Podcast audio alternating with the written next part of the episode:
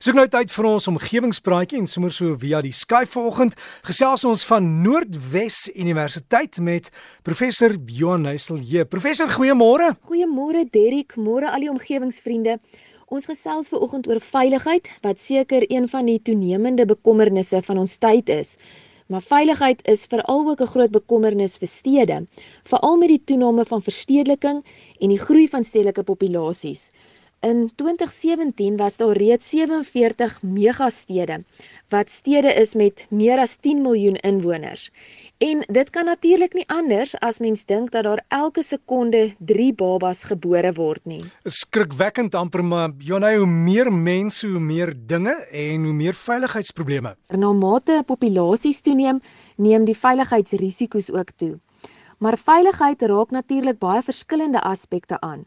Die 2017 indeks vir veilige stede het vier hoofkategorieë waaraan stede se veiligheid gemeet word, naamlik digitale sekuriteit, so dis hoe maklik iemand byvoorbeeld toegang kan kry tot 'n stad se stelsels en infrastruktuurbestuur, maar ook gesondheidssekuriteit, infrastruktuursekuriteit en dan ook persoonlike sekuriteit.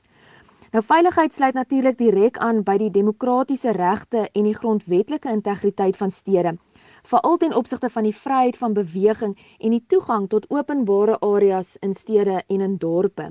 En in lig van hierdie demokratiese reg van veiligheid het die Suid-Afrikaanse Nasionale Ontwikkelingsplan ten doel gestel dat teen 2030 alle mense in Suid-Afrika veilig moet voel by die huis, by die skool en by die werk en dat alle mense teen dan vrylik in die strate moet kan loop en dat kinders veilig in die openbare areas moet kan speel. Nou die nasionale ontwikkelingsplan stel voor dat plaaslike regerings hulle grondwetlike mandaat gebruik om 'n meer prominente rol te speel in terme van veiligheidsoorwegings. So daar is voorstelle dat meer veiligheidsaudits gedoen word en veiligheidsbehoeftes beter bepaal word wat kan lei tot strategieë en veiligheidsontwerp. Nou die UN Habitat wat die Verenigde Nasies se program vir die menslike nedersettings is, werk sedert die jaar 2000 al saam met verskeie stede reg oor die wêreld om die volhoubaarheidsdoelwit van veilige en volhoubare stede te help bewerkstellig. Binne in hierdie doelwit het hulle onder andere 'n raamwerk ontwikkel vir veiliger stede wat stede dan nou kan help om so 'n veiligheidsaudit uit te voer en wat ook help om beter data-opnames te maak van misdaad binne in stede, juis sodat plaaslike owerhede weet wat om aan te spreek en watter gebiede beter geprioritiseer moet word. Nou elke maand kondig die Verenigde Nasies dan die beste voorbeelde aan van hoe lande en wêreldstede hierdie veiligheidsaspekte aanspreek. En hierdie maand was dit die inisiatiewe van Indië wat opspraak gemaak het. So Indië het 'n mobiele toepassing ontwikkel wat hulle die safety pin noem en wat hulle gratis beskikbaar gestel het aan alle inwoners om sodoende dan data te kan insamel van die stede en te kan sien waar mense veilig en onveilig voel. Nou hierdie toepassing is reeds in 30 stede in Indië uitgerol en na mate meer en meer mense die toepassing begin gebruik het, kon hulle 'n beter beeld kry van hierdie verskillende stede en waar die gevaarlike sones is en ook watter tye van die dag hierdie misdaad in sekere van die areas toegeneem het. Die owerhede het dan nou hierdie data gebruik om verdere maatreëls in plek te stel om die onveilige areas aan te spreek. In Delhi byvoorbeeld het hierdie safety pin toepassing oor die 7000 donker areas uitgewys waar veral vroue onveilig gevoel het. Die stad het reeds 50% van hierdie areas verbeter deur toepaslike beligting aan te bring en hulle werk tans hard om die res van hierdie areas ook te verbeter. Maar die toepassing kon terselfdertyd ook deur die inwoners van hierdie verskillende stede aangewend word om beter en veiliger keuses te maak van wanneer hulle waarheen moet reis of watter paaie hulle moet stap of ry na hulle verskillende bestemmings.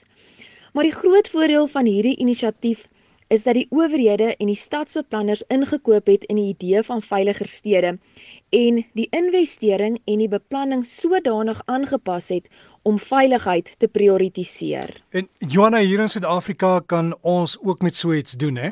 Ja, Derek, as ons na die misdaadindekse kyk, wys dit dat al Suid-Afrika se groot stede se misdaadsyfers van die hoogste in die wêreld is.